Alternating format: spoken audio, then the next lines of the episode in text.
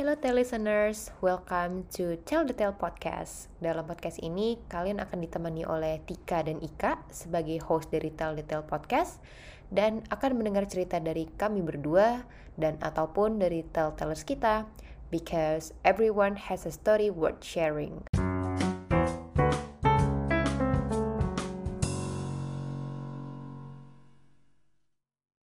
Halo listeners, apa kabar? Kembali lagi di season 3. Apa kabar Mbak Ika? Alhamdulillah baik Tika. Ih seneng banget ya kita udah sampai season 3 loh sekarang. Gak nyangka. Gak nyangka ya. banget, Di- banget. Di Oke. awal tahun dan membuka season baru juga ya Tik ya. Bener banget, bener banget. Ini mungkin sebelum kita masuk lebih dalam ke topik season 3, kita wrap up sedikit kali ya kemarin di Mhm, season mhm. 2 yang sangat panjang ya boleh dibilang ya. Sangat panjang karena ternyata banyak banget teman-teman kita yang lagi living abroad ya. Betul. Ya pas udah mau kelar, eh satu lagi, satu lagi. Udah mau kelar, ada lagi, ada lagi. Itulah yang menyebabkan eh, episodenya panjang, ya, listeners. Jadi jangan kaget ya. Oke, oke. Gimana nih, Maika? Ada ini nggak? em, summary sedikit mungkin dari kemarin season 2 ada apa aja tuh? Mhm. Eh, banyak banget sih hal yang menarik buatku ya dengerin cerita teman-teman kita eh, living abroad karena kemarin juga macam-macam ada yang karena ikut suami, ada yang emang karena pengen kerja di luar negeri gitu kan, ada yang lagi kuliah juga gitu. Jadi eh, reasonnya macam-macam dan eh, karena kita juga pernah ngalamin ya Tik ya eh, living abroad dengan segala eh, perks and challenges-nya. Jadi eh, kayak ada beberapa cerita yang kayak bisa relate gitu.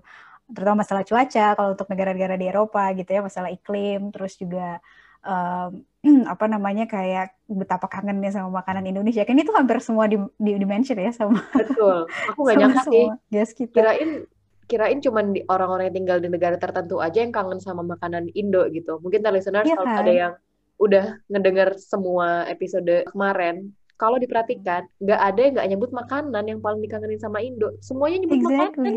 Seragam untuk jawaban itu ya. banget banget. Jadi kita harus bangga terhadap makanan Indonesia kita ya ternyata ya. Benar karena tak tergantikan ya. Setuju, setuju. Dan ini sih aku juga amazed dengan, misalnya kita alhamdulillah pernah merasakan tinggal uh, di luar gitu ya kemarin, cuman ketika Hmm. konteksnya itu student, uh, misalnya di compare dengan teman-teman kemarin yang konteksnya udah tinggal di sana bekerja dan cukup lama, ternyata Hmm. beda banget juga pengalamannya gitu loh. Kemarin mungkin aku Iya. nggak terlalu aware dan notice, emang kalau gue tinggal di Belanda akan ada benefit apa aja sih kalau sebagai yang berkeluarga.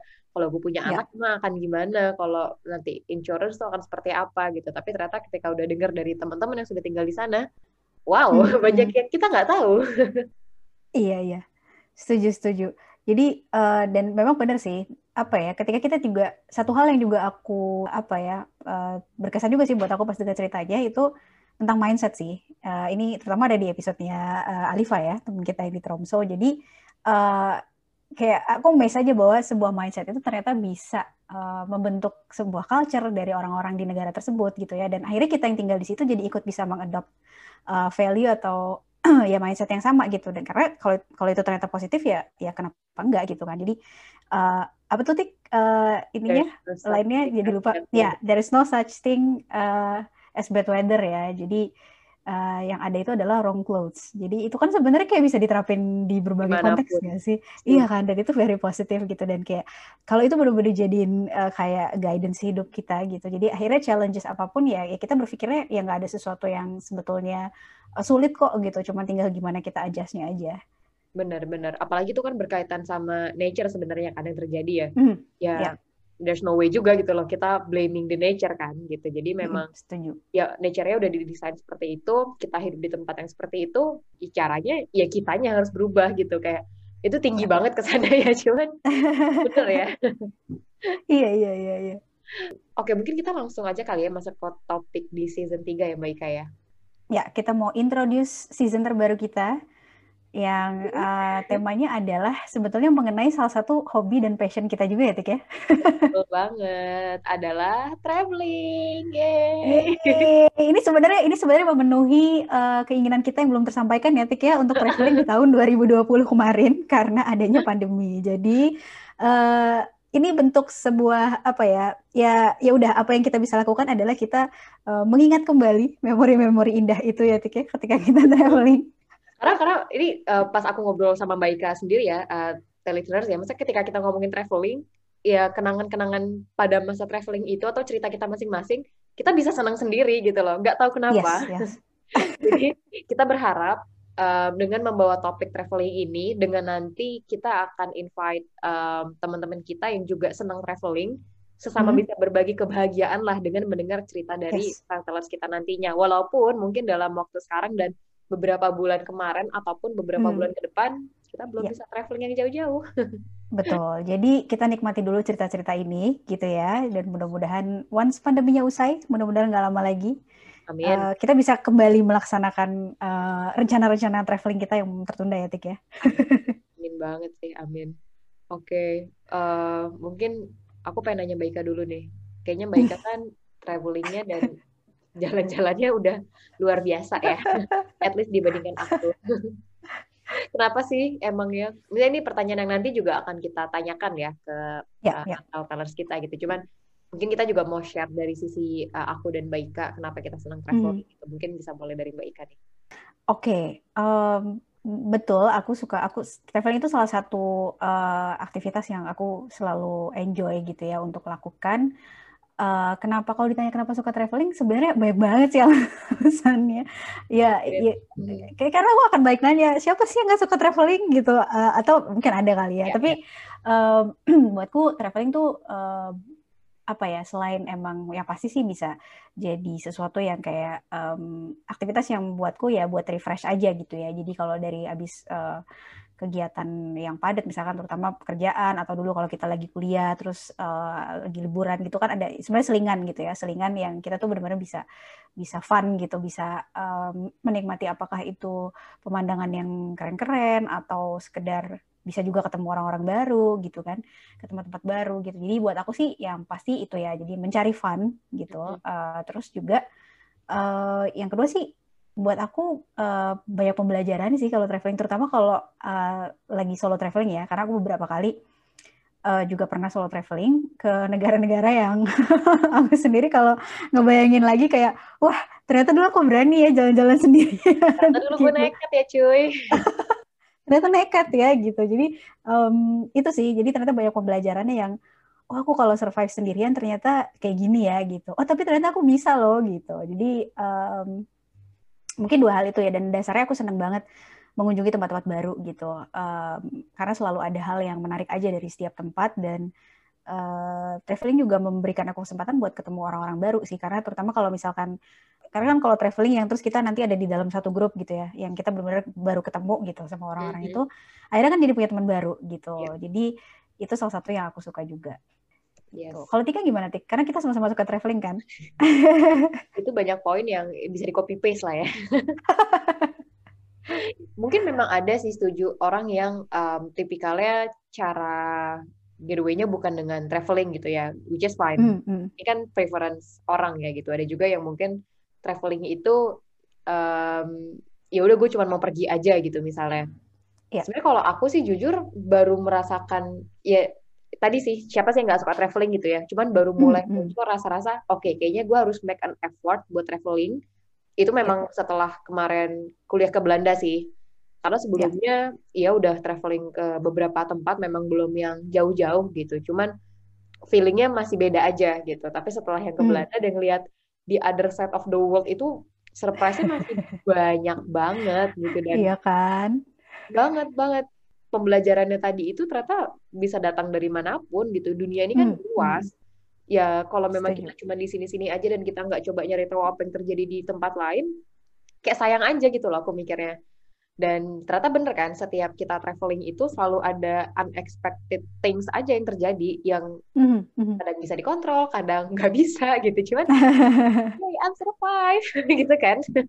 Iya iya iya itu yang dengan, penting setuju setuju. Dengan segala segala kejadiannya gitu. Jadi aku selalu um, menunggu adrenalin si cerita-cerita baru itu sih setiap habis mm. traveling. Walaupun ternyata nggak semua traveling ada ceritanya gitu ya. Tapi ya. um, yang nggak ada ceritanya pun pasti ada penyebabnya gitu loh dan aku menunggu itu dan ternyata itu adalah sesuatu yang aku excited untuk menceritakannya ulang entah ke siapa pun itu yang bisa aku ceritakan gitu. Ya, ya. Gitu sih. Jadi memang um, pembelajarannya kan banyak banget sih yang mm, mm. nyangka gitu dan yang ya kedua tadi sih lebih ke ketika udah tahu satu tempat ini bagus dan dunia masih luas, tahu juga masih banyak tempat yang bisa dikunjungin, ya kenapa aku nggak mempunyai mimpi untuk sana gitu. Aku kayak gitu sih. Ya. Setuju, setuju. Tapi Mbak udah, udah berapa tempat jadinya Tik yang didatengin selama ini Tik? jangan jangan itu bukan karena banyak. nah, aku nggak terlalu banyak sih nanti coba Mbak Ika juga bisa share ya. Cuman kalau aku lihat-lihat sih pokoknya kalau yang di Asia itu kan uh, misalnya selain Indonesia ya paling dekat Singapura lah ya pasti. Mm, Singapura tuh awal up kayak standar orang Indo pertama kali keluar negeri tuh Singapura dulu lah gitu kan. Selalu jadi starting point ya. Yo, Singapura, terus Malaysia aku belum eh Malaysia aku pernah ke Penang deh sekali cuma aku belum pernah ke KL. Hong Kong. Okay. Hong Kong tuh bahkan aku dua kali dan seru banget sih okay. aku suka sih. Jepang Korea aku belum. Itu sih kalau oh Bangkok cuman um, ya waktu itu pas masih kuliah juga sih pastinya hmm, kayaknya hmm. itu terus ya pas kalau kuliah di Belanda kemarin ya itu yang kesempatan paling banyak eksplor kan ya kita iya, ya ke iya. negara-negara tetangganya Belanda pastilah ya Jerman Belgia terus paling kemarin itu yang agak uh, jauh dan agak antah berantah yang sama Baika juga tuh ke Maroko lah ya pastinya Iya iya iya nanti kita cerita lebih detail soal itu ya benar benar ke Maroko terus um, apa sih mana negara Slovakia yang berarti Slava tuh ya kan di Slovakia. Iya kita waktu itu uh, ya itu ikut kita ikut grup tour gitu ya. Yeah. Uh, ada tiga negara kita ke ibu kota ibu kotanya betul yeah. ada ada Bratislava, uh, Budapest. Mm -hmm. Itu terus paling agak jauh sama ke Greece kali ya. Udah sih Skandinavia aku belum. Terus mm -hmm. oh paling kemarin sebelum pandemi kan, alhamdulillah ada kesempatan ke Australia Oke. Okay. yeah. itu Australia. Itu last minute kayaknya ya, Tik ya? Last minute banget. Jadi balik balik trip Australia nggak ke kantor sampai kapan? Sampai sekarang. Tapi itu ini sih, misalnya aku ngerasa berangkat sama pulang tuh keadaannya beda banget. Pas berangkat emang udah ada hmm. isu-isu corona gitu kan. Cuman first case di Indonesia belum ada. Jadi aku kayak hari kedua, okay. ketiga di Aussie itu kayak first case di Indo gitu. Langsung kayak oh my god, oh my god. Dan itu balik-balik bandara segala macam, suasana langsung kayak mencekam banget sih gitu. Cuman ya alhamdulillah selamat juga sampai sekarang gitu jadi itu juga salah satu cerita udah sih paling aku itu mungkin Mbak Ika bisa menyebutkan di atas yang sudah aku sebutkan karena kayaknya aku udah pernah semua uh, oh enggak sih belum ada Australia aku kebetulan belum tik Australia kebetulan belum Uh, tapi kalau negara-negara di Asia kurang lebih kita sama ya, ya karena biasanya gitu ya kalau yang di Asia. Ya muter-muternya di situ-situ aja ya. Uh, Eropa mungkin kalau kalau yang tadi aku udah mention aku banyak gak nyangka aku bisa solo traveling ke banyak negara yang bisa dibilang antah berantah. Itu di Eropa gitu waktu uh, karena kebetulan memang aku kan uh, sempat di UK juga ya. Jadi waktu di UK sempat uh, jalan-jalan juga tapi lebih banyak explore uh, kota-kota di UK-nya sendiri jadi kalau mengeksplor negara-negara lain di Eropa memang kebanyakan pas kita waktu itu lagi sama-sama uh, kuliah di Belanda gitu aku juga udah sempat ke Yunani juga dan uh, ke sekitar-sekitarnya Yunani juga sih. Jadi um, selain kalau kita kan yang tadi tiga negara itu ya ada ke hmm. Slovakia, terus ke Hungaria sama ke uh, Austria. Nah, hmm. aku juga sempat ke Rumania, ini ke Bukares ibu kotanya. Dan ini salah satu trip yang aku sampai sekarang nggak percaya kalau aku bisa survive uh, karena aku solo traveling. Ya? iya, dan nanti tuh benar-benar solo tripnya um, ke berbagai negara yang aku lupa deh kayaknya naik pesawat bisa like enam atau tujuh kali. Karena benar-benar cuman cuman di satu satu kota tuh satu satu hari satu malam lah ya. Jadi uh, cuman sempat kayak city tour. Jadi memang aku biasanya kalau solo trip gitu benar-benar nggak nggak lama stay di satu tempat gitu ya. Yang penting aku bisa kayak karena kan dengan kita ikut uh, city tour kayak walking tour gitu kan biasanya udah cukup banyak dapat ya. uh, uh, kayak top attractionsnya lah gitu. Jadi itu sih dan uh, Rusia pernah tapi cuma ke Saint Petersburg. Uh, sebetulnya impianku adalah bisa sampai ke Moskow tapi kesempatannya belum ada. Mungkin someday mudah-mudahan.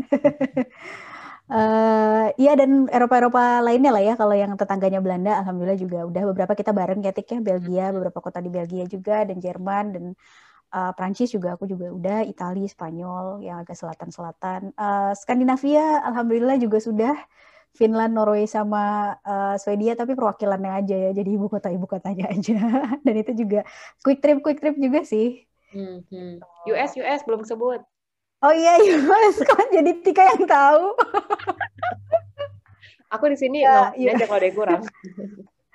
Iya, jadi uh, alhamdulillah uh, waktu itu waktu masih kuliah sih sebetulnya uh, kebetulan uh, sama orang tua itu ke US uh, ke West Coast, jadi hmm. California dan uh, Nevada ya, jadi hmm. uh, LA terus uh, Las Vegas gitu, jadi belum belum pernah ke East Coast-nya, jadi kayak Washington DC termasuk New York gitu itu juga salah satu destinasi yang sampai sekarang aku masih masih jadi wish sih itu. kalau lagi nyebut-nyebut negara gitu tuh kayak ya Allah berikanlah aku umur panjang dan rezeki yang banyak agar bisa iya ya karena selalu ada cerita menarik kan dari dari traveling dan uh, itu tadi yang poin etika bisa akan bisa diceritain sama uh, ya mungkin gak hanya teman-teman tapi nantinya mungkin anak cucu kita gitu ya Tik ya. Amin. Bener banget sih bener banget. Dan ini sih uh, mungkin kita akan ngebahas cerita yang kita pernah trip bareng juga ya nih, uh, listeners. Mungkin hmm, cerita hmm. yang menurut kita sih itu lucu dan unik ya. Semoga di telinga kalian juga terdengar unik dan lucu gitu. Kita punya beberapa kejadian yang sampai sekarang sih masih nggak pernah lupa ya. Dan kayaknya ke depannya yeah, juga kita yeah. kayak nggak nggak lupa sih. Enggak sih, karena itu berkesan juga sih buatku. Pertama mungkin kita mau ngebahas ini nih, uh, trip kita waktu ke Maroko ya Mbak Ika ya? Iya, yeah, iya. Yeah. Ke Maroko itu kita ke Marrakesh, kita hmm, ibu kotanya. Ke, eh, ibu Marrakesh itu bukan ibu kota, sorry. Ibu kotanya Kayaknya ada kalau nggak salah ya. Iya betul. Aku tadinya mengira Marrakesh itu ibu kota, ternyata yeah. I was wrong. Cuman kita memang waktu itu flightnya ke Marrakesh waktu itu ya. Iya iya. Kita ke Marrakesh, terus standar lah ya kita uh, mau Sahara trip ya waktu itu. Hmm, iya betul. Karena itu yang dicari orang ya kalau ke Maroko. Benar-benar. Uh, eh, waktu itu akhirnya kita udah udah ikut kayak ini ya kita ikut kayak trip gitu ya jadinya ya maksudnya kita memang apply. Ya hmm, kita ikut kayak paket paket tour gitu ya paket tour hmm. ke gurun uh, salah satu gurun salah satu part dari gurun Sahara ya tik? Yes mungkin kita bakal mengawali dulu sih pas baru datang di Marrakesh pun itu kayak surprise-nya udah banyak ya sebenarnya ya. Oh iya betul. Karena kita apalagi kita cewek-cewek semua waktu itu ya. Yes benar-benar kita bertiga sama teman kita satu lagi dia itu cewek juga um, ya misalnya cukup banyak surprise karena kita udah enam bulan di Belanda waktu itu dan semuanya hmm, kalem, hmm. aman, tentram, nyaman. Terus pas nyampe Marrakesh ke Maroko tuh kayak, wow ini gue balik ke Indo apa gimana sih? langsung kayak ini emang langsung beda banget suasananya gitu. Terus apa sih tengahnya Marrakesh itu namanya yang si marketnya? Uh, iya aku juga lupa yang apa benar-benar itu yang kalau nggak salah yang kita tuh pernah atau Tika pernah memfoto sesuatu dari dari salah satu pedagang di sana dan kemudian yeah. Ya. uh, dimintain uang gitu ya Tik ya. Yes, itu sesuatu yang kayaknya sepengetahuan kita hanya terjadi di Indonesia ternyata terjadi juga di Maroko. Bahkan lebih keras ya. Jadi intinya gini sih, listeners ketika kita sampai di Marrakesh di Maroko itu tuh um, ya kayaknya hidupnya keras aja gitu. Misalnya mereka yeah. sama berjuang lah juga untuk hidup gitu. Jadi mm -hmm. kita banyak kena scam. Pertama yaitu ya ada yang yeah. orang-orang lagi nari-nari segala macam terus kayak tiba-tiba makin kita topi. Padahal kita udah yeah, dihindar yeah. tapi mereka tetap maksa make dan habis itu mereka minta duit misalnya gitu. Terus hotel-hotel di Maroko itu di yang sekitarannya si market itu jalannya kayak labirin, guys. Bener. jalannya Dan jalan setapak ya. Waktu itu kita geret-geret koper. yes, jalannya setapak. Ada sih di Google Maps, tapi nggak bisa dicari. ya kan? Iya, iya. dicari dan um, ya mesti kita kelihatan turis banget gitu. Kita megang yeah, yeah. bawa koper, nyari jalan pakai Google Maps, nggak nemu-nemu, mukanya stres, hmm. disamperin lah orang lokal gitu, kayak dibantuin kan, kayak mau cari yang mana, mau cari yang mana gitu.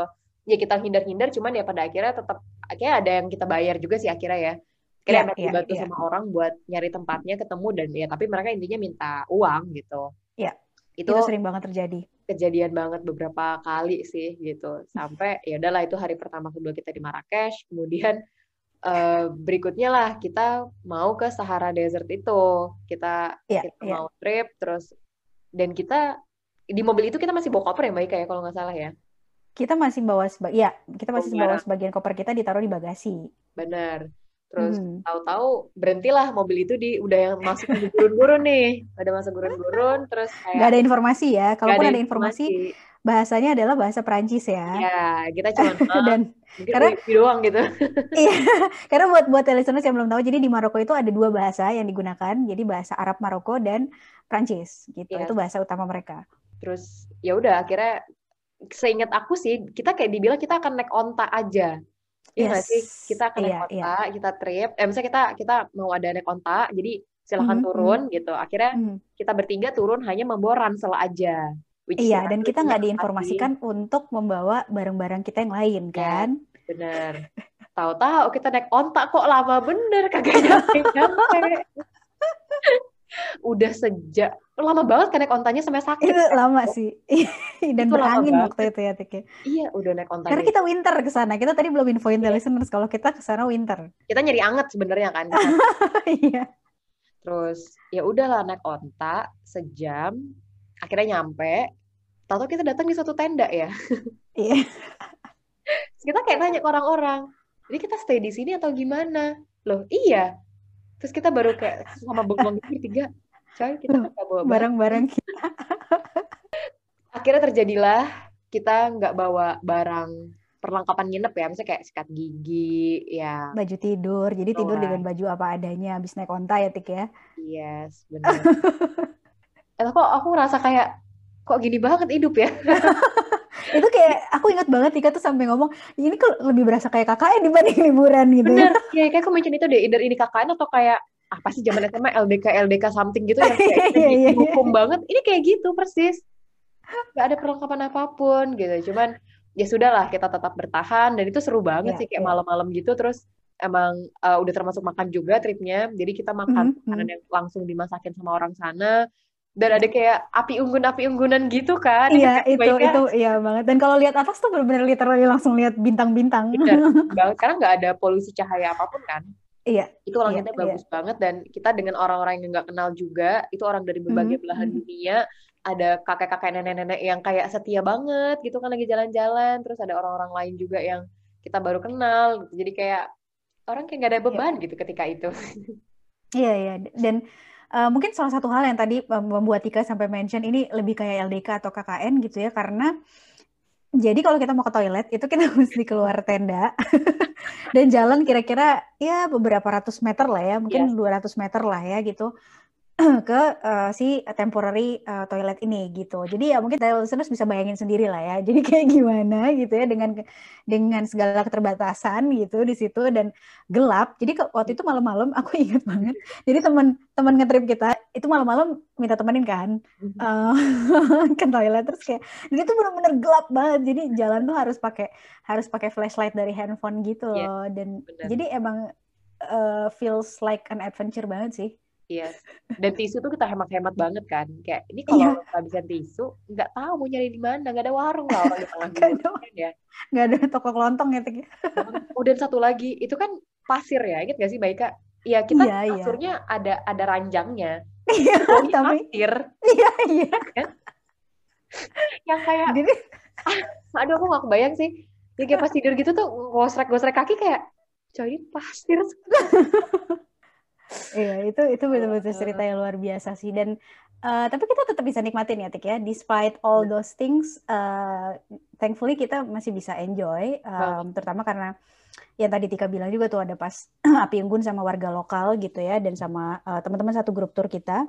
Eh, dan besoknya kita juga naik kota lagi ya kembali ke eh, mobil yang membawa koper kita semalaman itu ya Tik ya. Yoi.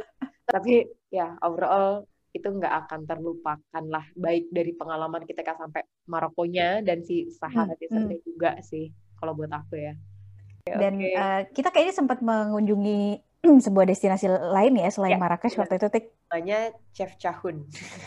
Ya, Chef Shaun itu bisa dijangkau em, melalui perjalanan darat dari kota, salah satu kota yang cukup besar juga di Maroko, kayaknya namanya Tangier. Ya. Hmm, karena waktu itu kita ke kota Tangier itu dulu ya, Tik ya, terus kita ke eh, ada perjalanan darat lagi ke eh, Chef Shaun ini. Jadi Chef Ya. Shaun ini, kalau listeners nanti mungkin mau googling gitu ya, ini sekilas tuh kalau eh, dari jauh dilihatnya tuh kayak eh, Santorini-nya eh, di Yunani gitu. Nah, tapi ini mereka punya their own Santorini, nah di Chefchaouen inilah gitu. Karena itu ada kayak satu pemukiman yang semuanya berwarna biru ya, Tik ya. Yes. Jadi kalau dari jauh Santorini putih, nah ini biru gitu. Jadi ya. nggak kalah bagus kok. Dan em, ya ini termasuk lumayan effort sih kita benar-benar merencanakan ke sana ya Mbak Ika.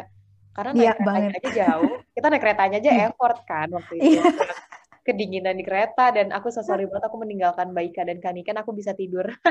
iya, iya loh. Tika tuh ini aku salut ketika traveling sama Tika. Tika ini selalu paling gampang tidur di mana pun. Iya, Jadi tidak mengalami kesulitan tidur walaupun dengan tempat yang mungkin bisa kita bilang tidak nyaman atau tidak proper bahkan gitu ya. Karena keretanya tuh kan AC-nya AC alami ya waktu itu ya. Iya. itu udah kita naik keretanya jauh, terus um, ya nyampe Tanggirnya juga udah capek dan perjalanan ke si yang biru-biru Chef Cahun itu juga masih satu dua jam lagi ya waktu itu ya Mbak Ika ya? Iya, sekitaran segitu. Iya, dan pas sampai sana dingin banget, nggak salju, tapi karena baju kita nggak prepare baju dingin, itu literally beku sih kagetnya gitu ya. Iya, okay. ditambah lagi dengan waktu itu cuacanya hujan ya, Tik ya. Yes. Jadi itu membuat semakin karena benar-benar kita literally basah kuyup yes. dan sampai sesepatu-sepatu itu basah Uh, kita sampai akhirnya baru. Yes. bayangin, jadi bayangin uh, salah satu hal yang kita lakukan ketika liburan di Chef Shaun adalah mencari toko-toko uh, kayak di semacam apa sih kayak pasar baru gitu kali ya, ya. Jadi mereka tuh kayak punya kayak pasar barunya gitu yang jualan sepatu-sepatu cats yang yang oh, mungkin kalau gitu istilahnya kalau di ya ya kalau di kita tuh kayak ya harga-harga inilah ya karena mungkin kualitas-kualitas KW-KW gitu dan itu beneran kita beli sepatu cats yang mereknya sangat common dipakai sama uh, kita-kita inilah ya sama anak-anak anak-anak seumuran kita lah ya Tik ya. Gimana biar? Udah gak, ini nggak mungkin kita pulang pakai sepatu ini beberapa hari keringnya kita juga nggak tahu. Karena literally iya. kan waktu itu ya. Itu ya. Tapi ini sih pas pas emang udah kelar trip Maroko ini aku sama Mbak Ika agree kita aku rasa kayak lebih strong gitu ya somehow. Iya iya. Jadi itu salah satu uh, benefit menurutku ya. Jadi ketika kita mengalami unexpected uh, challenges ketika kita lagi traveling uh, dan kita bisa lewatin itu, itu ternyata kayak somehow mem memperkuat perspektif kita kalau oh ternyata kita tough loh gitu. Betul, betul. Jadi kadang ini sih um, aku juga mikir kalau ketika lagi nyari destinasi untuk traveling itu memang tergantung kita sebenarnya moodnya hmm. lagi mau apa. Kita udah tahu kalau kita ke Maroko kita bukan kayak lihat ibarat kayak ngeliat Eiffel atau ngeliat city center di kota-kota Eropa gitu enggak, kita udah tahu. Emang ini pasti akan jadi jadi pengalaman yang challenging gitu. Cuman ketika mm -hmm. mengalami langsung dan emang kita udah niat kita mau ngalamin itu dan ternyata lebih dari yang kita bayangkan. jadi gitulah ya uh, adventure kita di Maroko. Tapi sebenarnya kita pernah merasakan adventure lain sih ya Tik ya.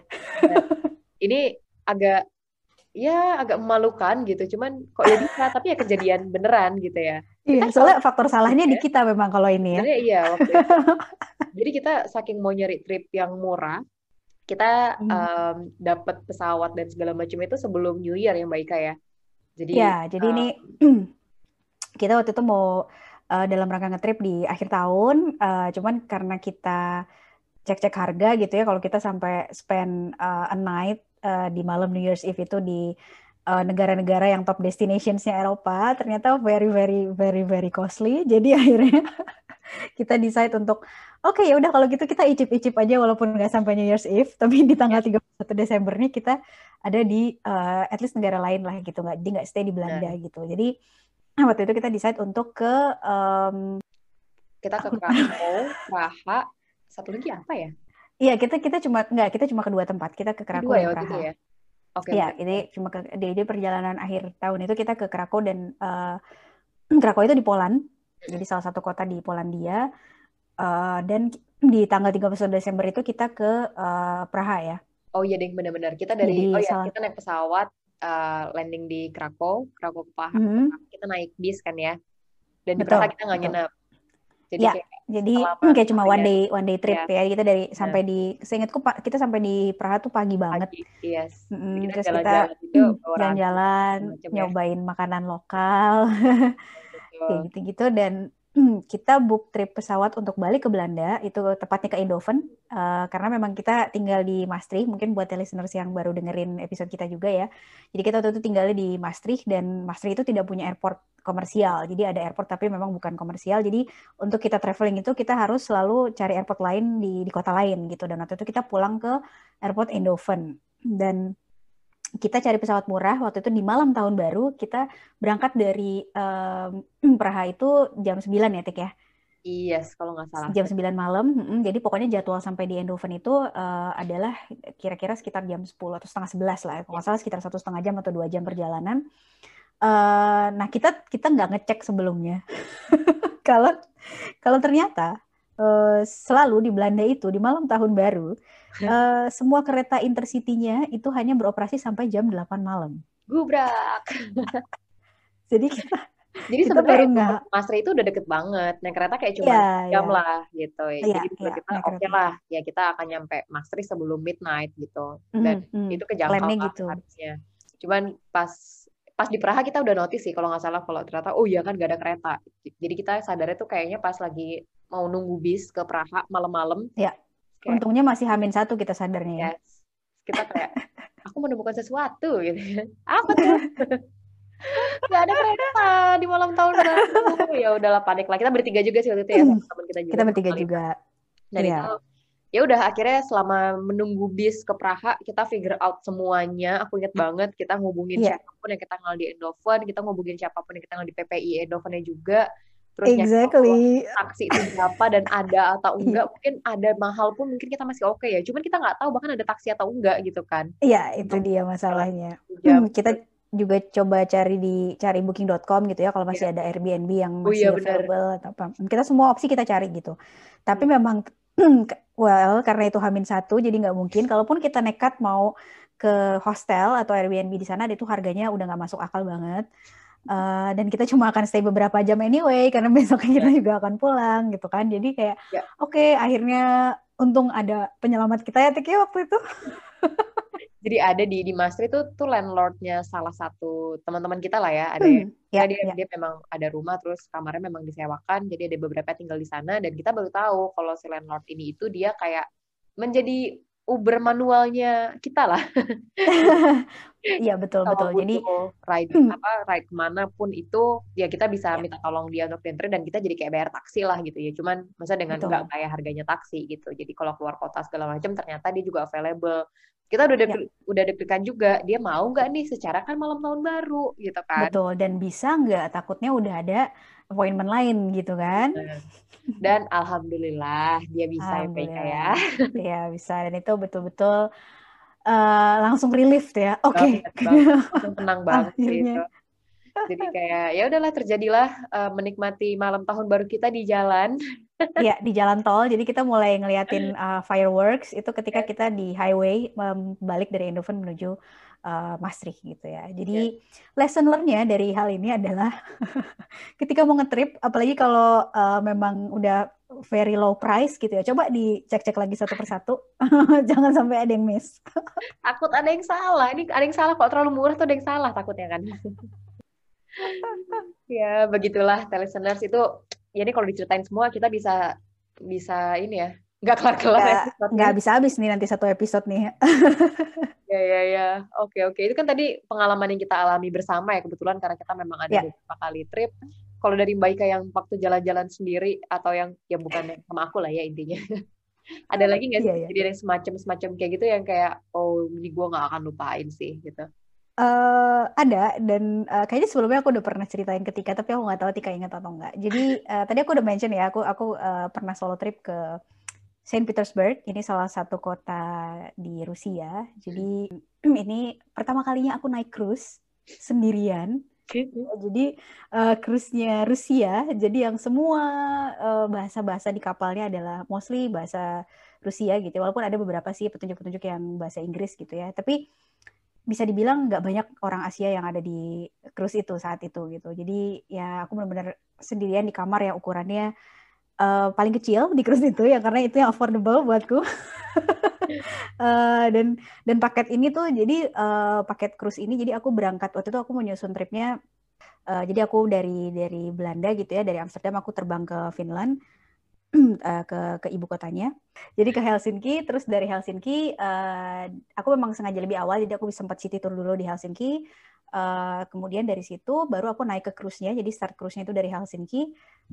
Dan dari situ nanti trip pertamanya dimulai baru ke Saint Petersburg, habis itu ke Tallinn. Tallinn ini ibu kotanya Estonia.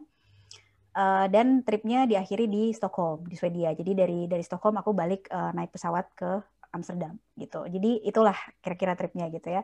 Nah sebenarnya semuanya berkesan, terutama di cruise-nya karena aku benar-benar sendirian tanpa sinyal.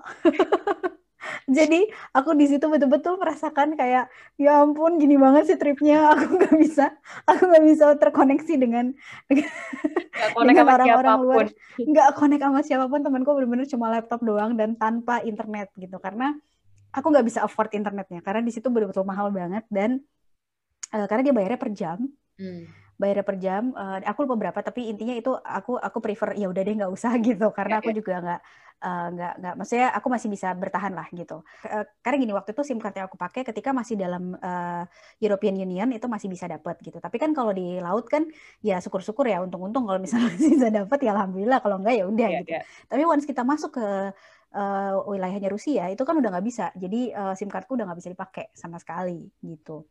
Jadi uh, waktu itu ya udahlah itu dengan semua challenges itu uh, dan aku sendirian kan jadi super bosan di kamar. Biasanya aku lakukan adalah aku suka naik ke deck.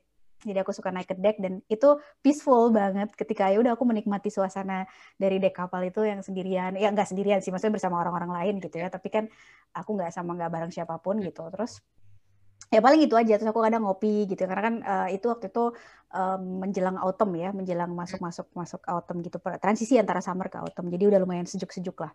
Uh, ngopi tapi dengan dengan suasana deck gitu. Itu di itu itu kalau selama survive di cruise gitu ya tapi yang paling berkesan adalah yang agak bikin deg-degan waktu aku di Saint Petersburg karena jarang banget orang bisa berbahasa Inggris di sana.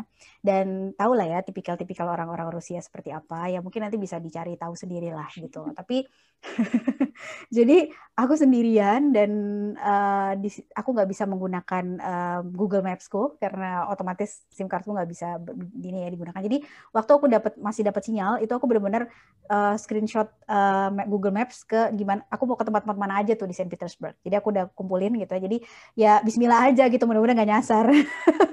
Yang penting jadi yang aku lakukan dulu, adalah kan? Iya, jadi yang aku lakukan adalah aku benar-benar ingat setiap jalan yang aku lewatin dari aku turun dari uh, si pelabuhannya itu, setiap jalan yang aku telusuri itu aku inget ingetin banget. Jadi aku nanti bisa, aku make sure aku bisa pulang gitu dengan jalan, at least dengan rute yang sama gitu. Mm -hmm. Kayak gitu terus ya udah aku sempat uh, jalan-jalan terus foto-foto gitu ya di uh, apa main square-nya karena di situ banyak pemandangan yang oke-oke banget dan hmm. aku nggak pegang uang uh, Rusia sama sekali aku bahkan lupa nama mata uangnya apa tapi aku nggak aku nggak pegang itu itu sebuah kesalahan besar karena aku masih yakin bahwa debit card kita itu bisa dipakai di Pake. sebuah negara Eropa gitu. Tapi aku lupa bahwa Rusia ini bukan Uni Eropa, Eropa. jadi banyak regulasi yang beda gitu. Jadi uh, apa namanya aku dengan PD-nya gitu kan aku mau untungnya aku maksudnya tadinya untung belum beli makanan ya jadi baru beli souvenir ya aku bisa batalin gitu. Tapi itu super malu sih. Jadi aku udah bawa aku udah bawa, aku udah bawa Bayang. udah bawa um, si yang mau aku beli ini terus aku bayar mau pakai debit cardku nggak bisa dong berkali-kali terus aku mikirkan ini nggak mungkin salah pin dan itu di mesin di mesin uh, edisinya itu kan bahasanya Rusia kan jadi, jadi gimana kita tahu itu tuh ya. notifikasinya ya? apa gitu kan ini isunya tuh apa gitu terus oh, dan iya. dia pun berbahasa Inggrisnya terbatas si penjaga toko uh, aku bilang oke okay, nggak jadi gitu aku balikin barangnya aku deg-degan di situ. Oke gimana? Oke yang aku lakukan kayaknya harus ke ATM. Coba aku ATM mau ngambil, nggak bisa juga. Oke, okay, fine. Kayaknya ternyata karena ini pernah kejadian waktu kita di Maroko, ada ada yang harus dibuka kan. Jadi yeah. kalau di bank kita dulu itu uh, kita pakai ING Bank di sana dan ternyata ini salah satu sistem dari keamanan dari ING kalau kita keluar dari Uni Eropa itu kita harus semacam Import, mengaktifkan ya? ya harus di on gitu kalau kita ini lagi di luar gitu. Aku udah udah seingatku waktu itu aku udah on gitu. Makanya aku pede gitu tapi ternyata nggak bisa juga jadi pas di ATM itu nggak bisa juga ternyata. Akhirnya aku untung ya coba aku pakai si ATM uh, eh, bangku di Indonesia gitu ya. Sama kayak pakai Maroko ya. Iya itu bank andalan banget emang. Jadi alhamdulillah bisa alhamdulillah bisa. Jadi di di ATM itu alhamdulillah bisa. Udah dong akhirnya oke okay, aman. Aku udah pegang uh, pegang uang hmm. nah Uh, tapi sebelum sebelum akhirnya aku ke ATM itu, aku tuh sempat nekat. Jadi waktu pas antar dulu deh, aku nggak coba. Jadi kalau nggak salah aku sempat nekat karena waktu itu aku inget banget aku beli Subway di sana. Uh-huh. Jadi Subway itu kan kita urutannya order dulu ya, pesan yeah, dulu, yeah. terus udah dibikinin, bayar gitu kan. Jadi nggak mungkin nggak mungkin batal kan kayak si yeah, souvenir yeah. kan. Jadi itu kalau nggak salah karena aku udah lapar banget jadi oke okay, ATM-nya masih jauh aku kan nggak mungkin naik kayak di sini semudah yeah, yeah. aku naik gojek ke ATM gitu karena aku harus meng mengakses ATM itu mm. jalan kaki jadi kayak mm. yang kelewatan tuh Subway dulu gitu yeah, yeah. nah jadi aku ingat pas aku ke Subway itu aku belum pegang uang cash uh, Rusia okay. dan aku mau pakai INK-nya nggak uh, bank bank ING-nya nggak bisa mm. aku ganti si bank Indonesia debit ATM itu nggak bisa juga Oke, okay, dan akhirnya... akhirnya kartu ketiga adalah kartu kredit dari bank yang sama. Uh. Nah, untungnya si kartu kredit aku ini yang bank sama sebetulnya, dia udah pakai chip. Uh. Dan ternyata bisa di situ. Jadi itu alhamdulillah dan setelah disapu itu antriannya udah panjang banget. Jadi aku bener-bener malu malu dilihatin orang. Untung aku gak diomelin sama orang. Cuman itu muka kasirnya tuh udah super super nggak nice banget. dia bener-bener mungkin dia bener-bener mikir aku nggak bisa bayar gitu ya. Yeah, yeah, iya. Tapi yeah. alhamdulillah eventually aku selesai dan dari situ makanya aku langsung ke ATM dan ya begitulah ceritanya. Oh akhirnya aku God. pegang uang. Akhirnya oh aku pegang God. uang Rusia itu. aku langsung kayak kebayang this Asian girl, oh my god, langsung gitu kali orang-orangnya. Iya dan dan uh, savior aku waktu itu penyelamat aku salah satunya lagi adalah itu kan aku beli sapu makan siang gitu ya dan sorenya aku sedesperate itu aku butuh wifi gitu. Hmm. Dan ternyata di McD ada. Jadi semua uh, restoran McDonald di Saint Petersburg nih ya buat listeners yang nanti pengen ke Saint Petersburg ada wifi. Jadi kalau mau perlu wifi silahkan mau rapat ke McDonald's di sana. Betul udah punya uang juga buat beli makanan di McD ya? Iya, itu happy banget rasanya. Itu ceritaku. Nah, uh, kayaknya Tika uh, punya cerita sendiri juga nih. Kalau ya. pengalamanmu sendiri apa Tik yang paling berkesan Tik? Oke, okay. mungkin sebelum aku mulai di pengalamanku, aku mau digest cerita Mbak Ika dulu ya. masih, masih ikut ke bawah gitu. Aku kebayang aja, misalnya emang ada situasi tertentu yang kayak langsung tegang, terus kayak, ini kalau gue nggak bisa solve gimana, kalau gue nggak bisa gimana gitu kan. Tapi ya, iya kan? at the end, ya ada aja jalannya yang kita nggak nyangka gitu kan. Tapi ya, ya. kebayang lah momen-momen tegang seperti itu ya. Oke okay, oke, okay. ya aku mengalami juga sih ada beberapa cerita yang bikin tegang gitu ya ketika traveling. Dulu tuh mungkin aku cerita pas ini sih, aku travel sama ya salah satu teman kita juga Kalina. Mm -hmm. uh, jadi waktu itu kita trip itu dari Belanda kita ke Greece karena kita punya teman di Greece. Jadi mm -hmm. um, itu enak banget sih kita bisa stay di sana udah nggak kayak turis karena apa pun bakalan sama dia. jadi jalan-jalan kita nggak kena trap turis gitu nggak karena memang ada dia juga um, kita stay di Greece itu seminggu. Kemudian dari Greece itu sebenarnya niatnya langsung balik ke Maastricht lagi, langsung balik ke Belanda. Cuman mm -hmm. kayak itu aku iseng, aku nemu tiket dari Berlin ke aku lupa Eindhoven atau Cologne gitu. Pokoknya untuk kita pulang ke Maastricht itu murah banget. Ryanair cuma 10 euro. Tergoda lah aku. Okay. Akhirnya terus uh, aku nyari tiketnya yang dari Athens ke Berlin dan harganya juga oke. Okay jadi aku mikir hmm. ya why not gitu spend another 10 euro hanya untuk hmm. pesawatnya, tapi aku bisa dapat trip ke Berlin dan belum pernah gitu kan. Dan yeah. nyari-nyari Airbnb segala macam harganya masih oke okay lah gitu, masih ada yang afford gitu. Ya udahlah, jadi dari Greece kita terbang ke Berlin, di Berlin tiga harian doang sih kalau nggak salah cuma bentar. Terus udah selesai trip di Berlin, perjalanan nih di kereta buat ke bandara. Itu kayak 10 menit mau nyampe bandara, aku iseng buka email dan sebelumnya aku yakin kayak ini nggak ada apa-apa karena uh, udah check in dan pas check in pun masih bisa udah dapat nomor kursi itu kan kayak kunci ketenangan ya. Kayak ya udah uh. akan baik-baik aja gitu. Terus kayak 10 menit udah mau sampai di bandara aku iseng buka email dan dapatlah email kalau pesawatnya batal karena pilotnya strike. Itu rasanya hati pecah keping-keping dan kayak hah? Strike? Di cancel pesawatnya? Ini apa gitu.